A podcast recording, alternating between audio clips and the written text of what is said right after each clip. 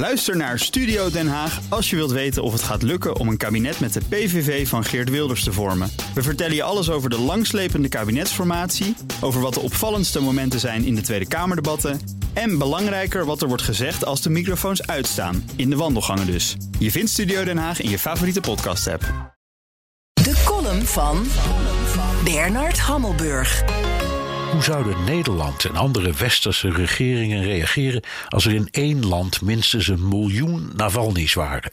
Allemaal in strafkampen, allemaal slachtoffer van ernstige mishandeling en marteling en, als het vrouwen betreft, massaal gesteriliseerd. Het antwoord is: in zo'n geval doen we niets. In de kwestie Navalny probeerde het Westen zijn tanden te laten zien met sancties tegen Rusland en een boos telefoontje van Joe Biden met Vladimir Poetin. Maar met het immense leed dat China de Oeigoerse minderheid aandoet, doen we niets. De Tweede Kamer nam een motie aan waarmee de Chinese actie genocide wordt genoemd, in navolging van Amerika en Canada, maar tot verandering van beleid heeft het bij ons niet geleid, laat staan tot sancties.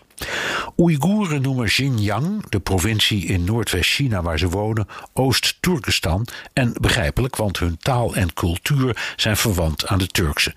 Er wonen 50.000 Oeigoeren in Turkije. En die zijn als de dood dat regering Erdogan een uitleveringsverdrag met China ratificeert, want dan vrezen ze massale deportatie.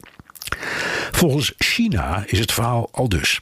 Aangezien de Oeigoeren in het verleden in de aanval zijn gegaan in een poging om onafhankelijk te worden, zijn ze allemaal potentiële terroristen en jihadisten en moeten ze dus worden heropgevoed in speciale kampen. China is woedend dat wij dat niet inzien. Westers onderzoek en getuigenissen van Oeigoeren zelf vertellen een ander verhaal. Er zijn 380 concentratiekampen waar de gevangenen voornamelijk als slaven werken in de katoenverbouw. Ze worden voortdurend vernederd, gemarteld en verkracht. Vrouwen worden massaal gesteriliseerd om de Oeigoerse voortplanting te verhinderen. Wat China met Tibet heeft gedaan, doet het ook met Xinjiang. Het wordt volgestopt met Han-Chinezen, zodat de provincie versneld Chinees wordt. Massale marteling en sterilisatie met het doel om een volk te laten verdwijnen voldoen aan de VN-definitie van genocide. Het probleem is dat er nu enorme discussies ontstaan over het begrip genocide in plaats van over het drama dat zich in Xinjiang afspeelt. Waar het om gaat is de solidariteit die de wereld het Oeigoerse volk verschuldigd is. Maar ja, China is momenteel de grootste handelspartner van de EU met een prominente plaats voor Nederland.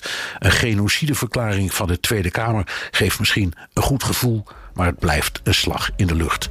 We laten ruim een miljoen Navalny's verkommeren.